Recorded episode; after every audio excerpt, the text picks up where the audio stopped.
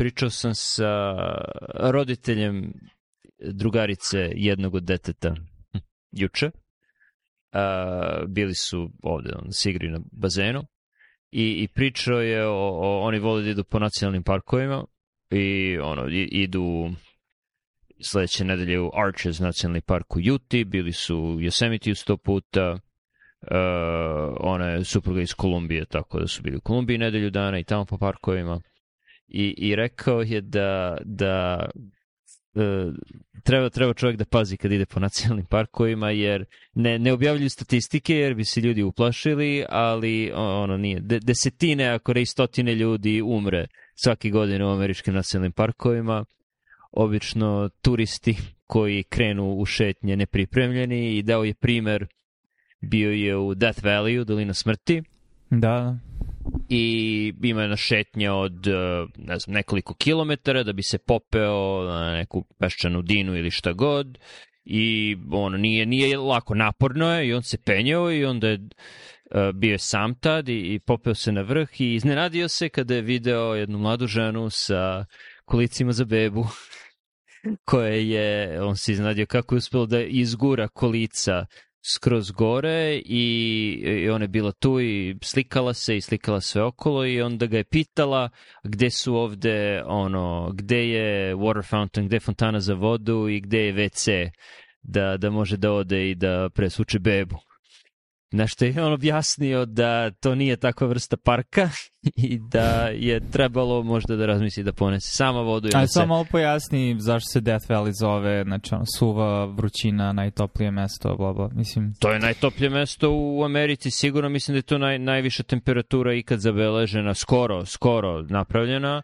Uh, mislim da, ljudi umiru ako, ako ostaneš tu preko noći bez hrane i vode umrećeš od, od ako ne od vrućine u toku dana, onda od smrzavanja u toku večeri, zato što su ono ekstremni vremenski uslovi, a zanimljivo je jer je na ono sad dva vožnje od LA-a ili koliko relativno je blizu urbanim mestima.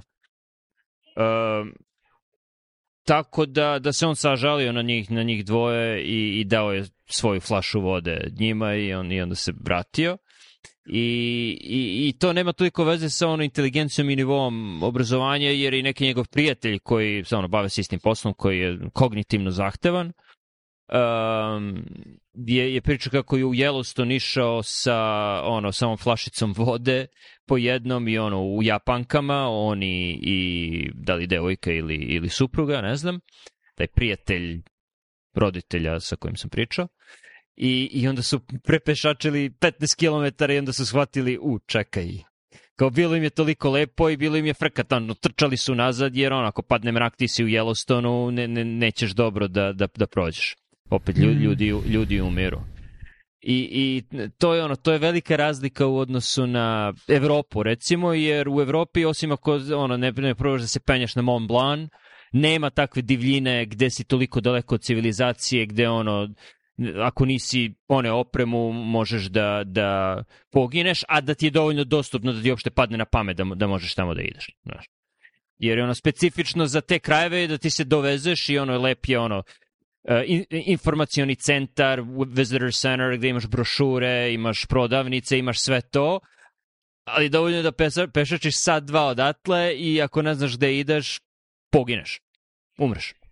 I to se često da, dešava. Da, mislim, znaš, sad to je Da, ima malo i te kulturološki moment, pošto ono, znaš, kada ja tako čujem neke stvari isto od nekih prijatelja i kolega i na kakve sve, po znacima navoda, izlete idu, ok, mogu da razumijem da je hobi, ali u nekom trenutku to preozilazi okvire nečega što ja smatram kao ono dete asfalta iz Jugoslavije, mislim, uopšte poželjen, kao zašto bi uopšte radio tako nešto. Naravno, mislim, ono, odlazak u prelepu divljinu, vreme provedeno ima, ima mnogo benefita, ali u jednom trenutku, znaš, postaviš sve pitanje u kojoj meri moraš da rizikuješ svoj život da bi imao takvo iskustvo, jer i Death Valley je bilo definitivno od lokacije.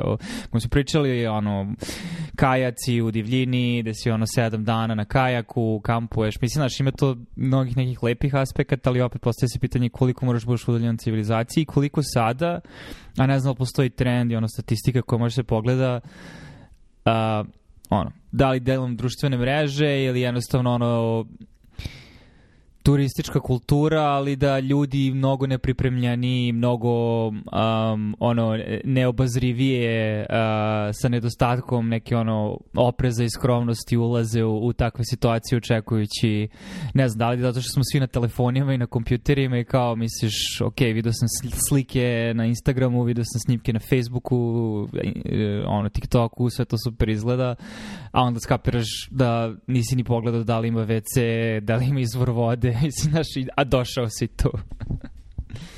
Da, jer misliš da se te stvari dešavaju drugim ljudima i, i ono što je još rekao je ono Grand Canyon koliko smrti godišnje ima od ljudi koji hoće da uzmu selfie sa, sa Grand Canyonom u pozadini sa kanjonom reke Colorado. Ima ih puno, opet, čista nepromišljenost i misliš ono, neće meni da se desi. Da. I, i, i to sad ti momenti ono, ok, dehidracija, toplotni udari, um, ovaj, povrede su vjerojatno najčešće uzroka, ali drugo, koliko su ljudi opušteni po pitanju divljeg života. Znaš, mislim, imaš i primere ljudi koji prilaze medvedima i onda saznaju zašto su divlji medvedi divlji. Mislim, znači, to mi isto, ono, kao, kao da smo, mislim, znaš, možda posvetraš se nekog aspekta, ono, previše smo domesticirali sebe na nekom nivou i osjećam se previše bezbednim jer su naše generalne sredine jako bezbedne, tako da onda ekstrapolarišeš to na sredine, a ono, sada je mnogo cool i više cool ići u neke nepristupačnije lokacije nego ranije, znaš, tako da imaš i taj aspekt kao te vrste turizma. Uh, i onda jako lako možda odeš nepripremljen. Da, što se nama za malo desili, smo mi išli, dobro, nije bio nepri, ne, nepri, nepristupačan deo, bili smo spremni, ali Smith ostrovo na, na Česapih koje ono, nije teška divljina, ali je nivo, uh, manji civilizacijski nivo od onog na koji si generalno naviknut, naročito u životu ovde gde imaćeš Kosko na 5 minuta vožnje, da, na 15-20 minuta vožnje gde god da si, ako si na Havajima i ako si ne znam, na Aljasci i imaš Kosko blizu i uh, primaju kreditne kartice i, i generalno imaš auto i možeš da odeš kuda hoćeš. Ostro, Smith Island, ostrovo Smith, sorry, ostrova Smith, ima ih nekoliko, uh, ne, nemaju zemljanu povezanost, nemaju, nisu povezane sa, sa onim kopnom, uh, ide jedan trajekt koji ide jednom dnevno i ako ga propustiš, završio si priču. I, i do ostrava i, i sa ostrava. E, na samom ostrvu ima ne, jedan deo, jedna polovina ostrva ima puteve i, i možeš da odeš od jednog manjeg sela do, do drugog pešaka, što ne bih preporučio jer su komarci neverovatni. Ima roda, ali ima i komaraca kao što su rode. E, ogromni su, ima ih puno. E, i, jed, i drugi deo ostrava, jugoistočni, gde je jedno još manje naselje, 40 ljudi, 15 kuća, gde nema automobila. Ima ono zemljani put ili put sa šljunkom, ljudi ljudi koriste ono kolite za golf da bi, da bi se, se prevozili tu.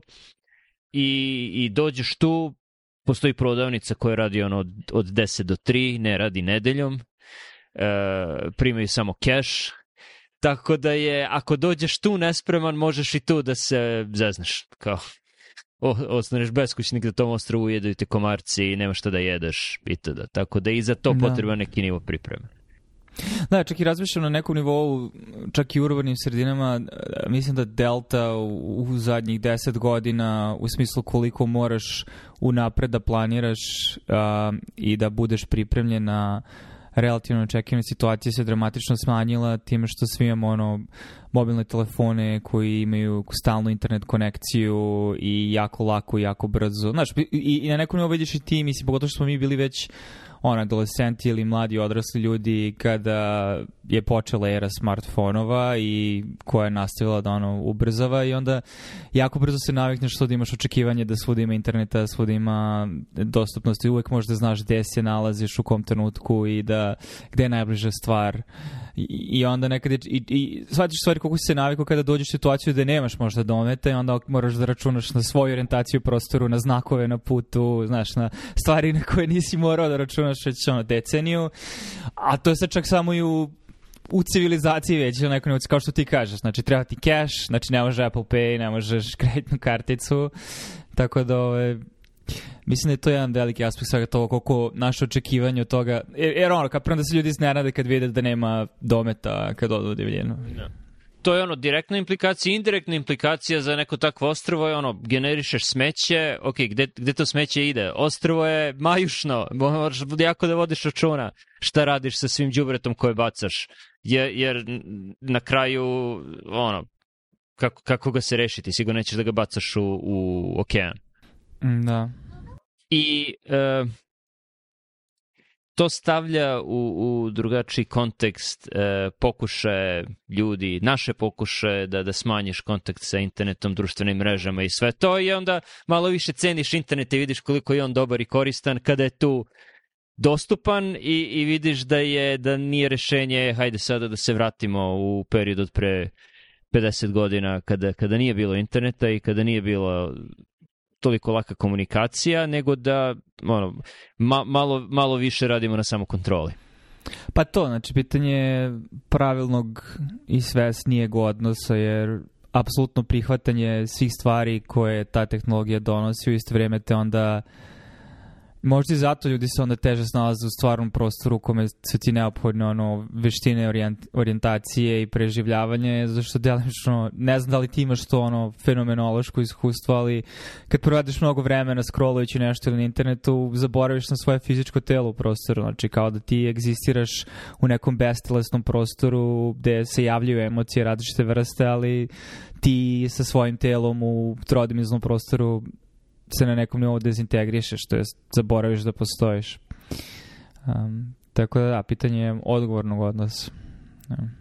Jer sa druge strane, znaš, ono, internet isto dovodi do erozije moždanih funkcija o kojoj smo diskutovali juče, kada Skinnerove kutije AB testiranjem dizajnirane da zadržeš što više ljudi što duže moguće dolazi situaciju da ljudi koji su i stariji i iskusniji i misle da baš iz tog razloga nisu podložni tim uticima, baš iz tog razloga postanu žrtve i baš me zanima kako će izgledati situacija kad ono se ponovno vratimo u Srbiju. Jer mi delo da je zadnjih godinu, dve se stvari dramatično promenile mahom zato što su veće socijalne mreže na kojima se stariji ljudi preuzeli model TikToka u smislu video kratkih sadržaja, različite vrste koji se svaki 15 sekundi ti daje nešto potencijalno novo i zanimljivo, a algoritam uči na čemu provedeš više vremena i tako te zadržava a, jako dugo. Da, vidi se da, vidi se da to preovlađa. Izvini što ste prekinuo, nastavi. Ne, ne, ne. Ne, samo se kažem, YouTube je sad kod TikTok, tako da reći ja nisam na TikToku ili nisam na Instagramu, ja sam na YouTubeu, ne postoji razlika. Znači, pitanje je sama forma, znači, a to je kratki klipovi koji imaš u beskonačnost, koji imaju beskonačno mnogo konteksta, sadržaja, tema i i neke od njih će te sigurno zanimati u tom kratkoročnom smislu, a onda shvatiš da je prošlo 3 sata i ti sve što si radio samo si pomerao prst na gore dok si gledao ekran. Da, i onda se žališ na reumu i reumatoidni artritis i reumatizam zato što te boli palac. Od Ili si razbestiš kada članovi tvoje porodice kažu da te nisu videli danima i pitaju šta se desilo, ti imaš i intelektualne izgovore zašto provodiš vreme na tom. Pa, racionalizacija je najlakša. Da, mislim to se vidi po, po količini e, te forme kratkih video snimaka koji se sada deli po Viber grupama. Ono, po, obično sam primam samo stvari na tim grupama, nikad ne šaljem, ali vidi se da, da ljudi sve više vremena provode na, na kratkim video formama.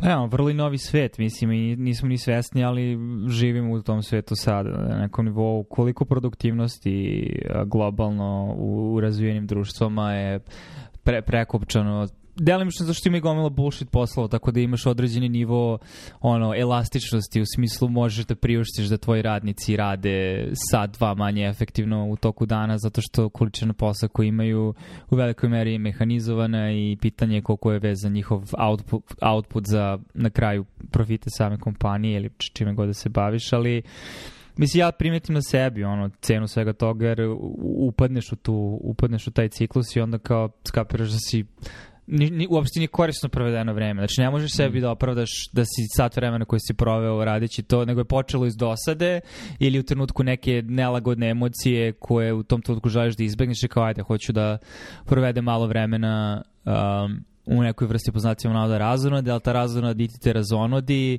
samo te nekako otupi i osjećaš se umornijim nego što si bio nakon konzumacije toga, tako da nije ni dobar izgovor da je to pauze odrade ili šta god. Um, tako da da, mislim, s jedne strane super je što imamo GPS i, i, i mape i, i možemo da vidimo gde možemo šta da kupimo i koliko brzo. Izvore hrane, skloništa u neprilagodnim situacijama, ali sa druge strane ono, ne možemo tek tako da se prepustimo dekorporalizaciji i dezintegraciji u, u moru interneta, mimova i kratkih klipova i moru prevara. Znači, još jedna stvar, kada pričamo o divljini, kakvo povezivanje, je koliko je lako, naročito ljude te malo starije generacije, prevariti uh, ponudama različitim i, i vidio sam skoro na Washington Postu kviz kao prepoznate prevaru. I ono, dok, dok nisam čuo, prim, čuo i video primere ljudi koji su se primili na takve prevare, pomislio bih po ovoj glupo. Mislim, naravno da nećeš da, da klikćeš ovde i naravno da ćeš znati da je ovo prevara, ovo nije. A onda shvatiš, pa ne, čega, ima nekih legitimnih stvari koji izgledaju kao prevara, ima nekih prevara koji izgledaju legitimnije od tih legitimnih stvari i, i čak i Washington Post kad je pisao kao, a, obradite pažnju sa koje email adrese stiže poruka, čak ni to nije. I, i može i to da se, da se maskira ono, kako postoji neki profesionalni phishing, tako da je ono sve teže i teže to prepoznati. Tako da je meni heuristika koju trudim se da raširim svima koje znam. Ako ti neko nešto nudi na internetu, odgovor je ne, blokiraj, uh, u pitanju je prevara. Znači, nema, nema bilo šta što dobiješ spontano od ne da si ti tražio.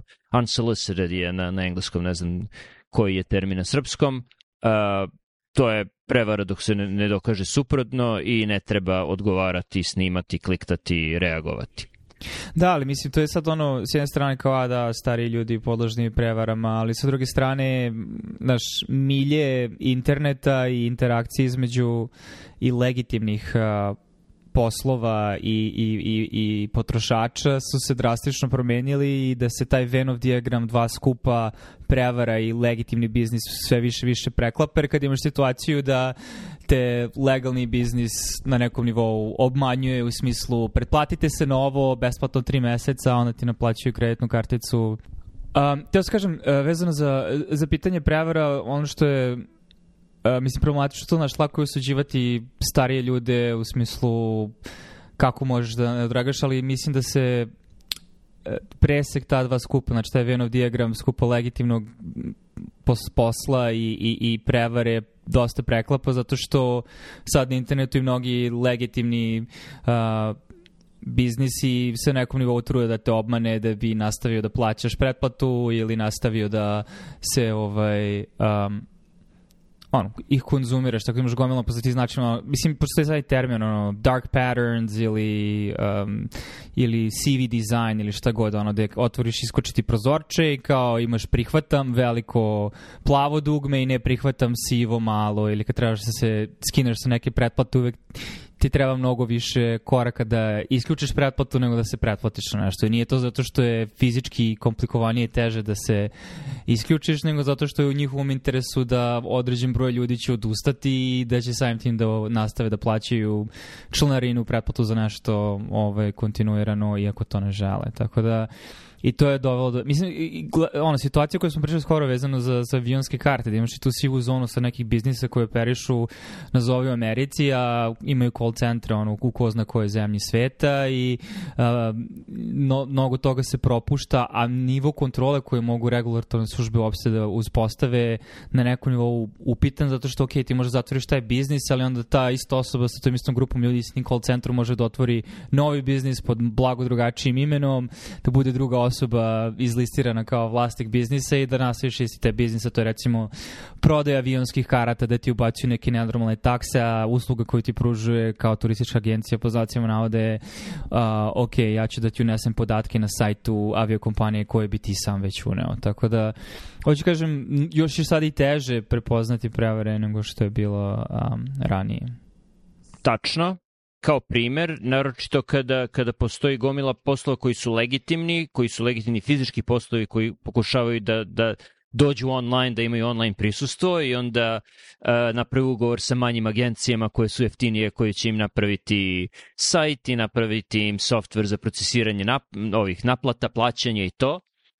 E, problem je što je fizički posao legitiman, usluga je legitimna, ali ti posrednici nisu baš, tako da imaš gomilu slučajeva gde ili oni prodaju informacije ili uopšte nisu informacije enkriptovane ili, ili koriste te informacije da, da dalje plaćaju, da dalje prodaju tvoje podatke drugima, gde posao sa kojim ti interaguješ i kojim ti interesuje, oni su ok. Tako da su pre, prevarene su obe strane, samo posrednici se, se okoriste.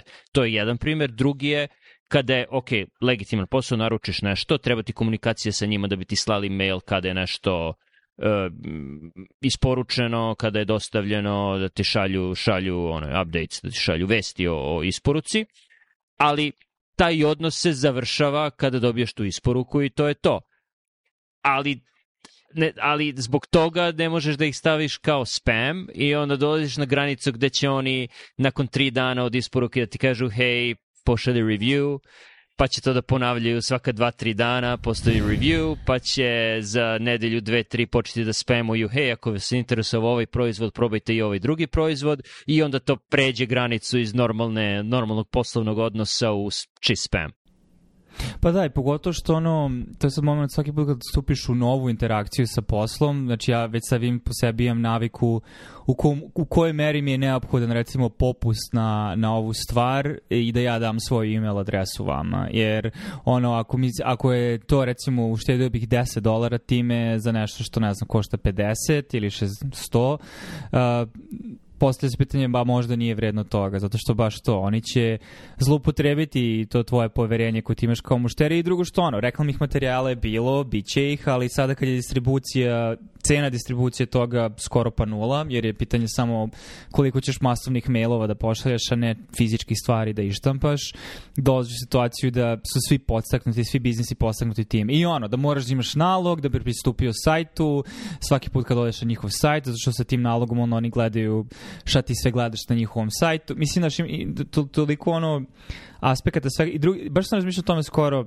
znaš, recimo, i to je neko napisao je vezano tipa ono i koliko sad se biznisi trude da naprave stvari koje ono uopšte ne, spa, ne spadaju dome njihovog biznisa ili da naprave odnos sa tom kao mušterijom koji ne bi trebalo da imaju tipa li koristi neku online aplikaciju za payroll, znači za svoju malu kompaniju, kao što si rekao, neki od tih intermedijera i onda dobijete neke polu spam emailove payroll, got fun i imaju one minimalističke flat design likove koji uživaju kao ne, nije mi zabavno, ja da, da ne moram da radim ovo, ne bih to radio, koristim moj proizvod da mi to olakša, ali molim te ne želim da asociram ovo sa idejom zabave, da se bavim ono, um, distribucijom plate svojim zaposlenim ili šta god. Mislim, znači jednostavno smarački posao. Uh, I dolaziš isto vreme u situaciju to što si ti rekao, znači svi ti podaci koje, znači postoji ta iluzija poverenja i iluzija bezbednosti, jer ono, kad si imao fizički, fizičku jednu lokaciju u koju ti dođeš i ostaviš recimo svoje knjige, recimo da to neka kompanija koja radi tvoj payroll, znači razmene, transakcije, šta god, znači da bi se to distribuiralo po svetu neko mora bukvalno fizički da ode na to mesto i da uzme te fizičke materijale i da ih onda iskopira i da ih distribuira. Sada to egzistira kroz te neke intermedijere da ko zna koji server ta kompanija koristi, koji nivo enkripcije on ima, da li su njima procurale informacije. Ako ti cure informacije velikih zdravstvenih sistema i ono kreditnih biroa, mislim cureti informacije svega. Znači, tako da ono, to je sad taj moment da stvarno smo u nekom, nekom divljem zapadu da ja ono računam da su sve moje informacije vrlo verovatno na dark webu koje sam ikada ono negde aplicirao online. Mislim, i jedino što možda... I najbolja stvar koju ti možeš kao potrošaš da radiš je samo da redovno menjaš svoje pasvorde i da koristiš sisteme autentifikacije koji ono će smanjiti vjerojatnoću da te neko ono zezne, ali na kraju nikad ne možeš da računaš da li će ono, tvoj zdravstveni karton završiti na dark webu i šta god, mislim. Ali za sve to ti treba dodatni mentalni napor koji ne možeš uvek ili čak i u većini slučajeva ne možeš sebi da priuštiš jer bi se pod jedan radije bavio drugim stvarima, pod dva mora da se baviš drugim stvarima, na primjer svojim poslom. Tako da su to ono stvari, oni računaju na to koje radiš sa pola mozga, trećinom, petinom mozga, tako da, da, ponosan si na sebe kad kažeš, a da ovo je spam, ovo je spam, ovo je spam, ali desi se trenutak i oni računaju na to, ako dovoljno veliki broj korisnika ljudi kontaktiraš, doći ćeš do dovoljno velikog broja ljudi koji, koji ne obraćaju pažnju u tom trenutku samo i taj trenutak nepažnje te košta novac, vreme, mislim, da, u najboljem znači, slučaju, u najgorem slučaju ljudi tako gube kuće. Mislim. Da, mislim, to je sad ono poznacija, prevara po znacima navoda u smislu, nije prevara u, u, u vrlo eksplicitnom smislu, ali jeste da računa na to, na tvoju podeljenu, nepotpunu pažnju vezano za nešto. I nije ništa mnogo drugačije od toga kad ti dođe neko sa Kirby usisivačem na vrate i krene da te ono bullshituje zašto je ovo najbolja stvar i zašto bi ti to trebalo, imamo različite pakete i bla bla bla.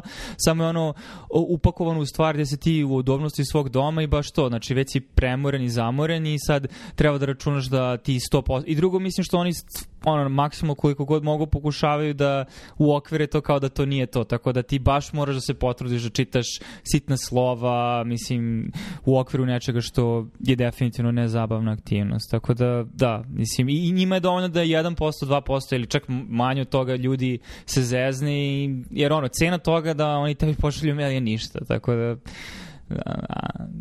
jako, jako smo u asimetričnoj situaciji gde smo ono, u, i ono, zato je ono taj Internet of Things momena gde treba da imaš frižider koji te poveze na Wi-Fi, uopšte nema smisla da kupuješ porate koji nemaju fizičke dugmiće, zato što, zašto? Znaš, mislim da je taj moment ono preterano preteranog ulazka tehnologije u tvoj život, gde je jedini razlog tome benefit ono, prodavca, a tvoje lični korist je nešto što oni moraju da ti izbullshituju da je to cool, da izgleda novo, cyber, ali da, ono, plaćaš cenu na kraju za to. Naj, najsalijentniji nedavni primer za to je ABIM i njihov MOC, Maintenance of Certification program. Ne znam da li si pratio celu tu priču. Da, da, da. da. Ali, ali... Kardiolozi su prvi potpisali, da tako da svaka čast kolegama inter, da. inter, Kardioliška... intervencionim i elektrofiziolozima. Da. da, znači dva najmanja društva, ali dosta uticaje na jednu od najbogatijih internističkih društava da. su, da, da, prvi koji su se zalagali protiv toga, a nevjerojatno je koliko je perfidno došlo do toga, jer ono, kada sam ja završio specializaciju, situacija je bila da platiš, ne znam, ne sjećam se koliko, nekoliko stotina dolara, uh, da položiš test i taj test je važio 10 godina i nakon 10 godina opet platiš da položiš test i onda si resertifikovan. Pre 30 godine nije bilo ni te resertifikacije, nego si samo prvi put položio i kad jednom položiš, ostatak vremena za, ostatak zavisi od lokalne državne uh, komore da, da vodi računa o tome da radiš kontinuiranu edukaciju. Znači nije, nije zavisilo od uh, borda, nije zavisilo od ABIM-a, ali godinu ili dve nakon što sam prv, nakon što sam specializaciju iz interneta završio, dobio sam mail kao, e, sada postoji nešto što se zove Maintenance of Certification, nije dovoljno što si položio ovaj test, nego moraš da učestvuješ u tom održavanju sertifikacije koje te košta 300 dolara godišnje i ako to ne budeš plaćao, na sajtu kada neko proverava pisaće da nisi sertifikovan. I no. to ono, crvenim slovima, velikim, masnim, kao, e, daj nam i ono, ja sam u sred specializacije, tipično ono, ne, ne mogu sad da razmišljam o tome, ok, koliko traže, no. ok, bum, i, i tako je to prošlo. I tako im je prošlo da bukvalno u desetostruče primanja. Da je od. Da. plaćanja jednom u deset godina postalo, postalo godišnje plaćanje. I onda su shvatili, da, i onda su nakon par godina shvatili, ljudi su ono, počeli da, da razmišljaju, stani malo, znači, za, zašto ovo plaćam, šta dobijamo od ovoga? I, I sad su uveli kao da, kao benefit toga ne moraš da radiš uh, taj test svakih 10 godina, nego radiš pomalo svake godine. Da, da. Što je okej, okay, ali opet je deset puta skuplje od onoga što je bilo pre nego što su da. uveli MOC.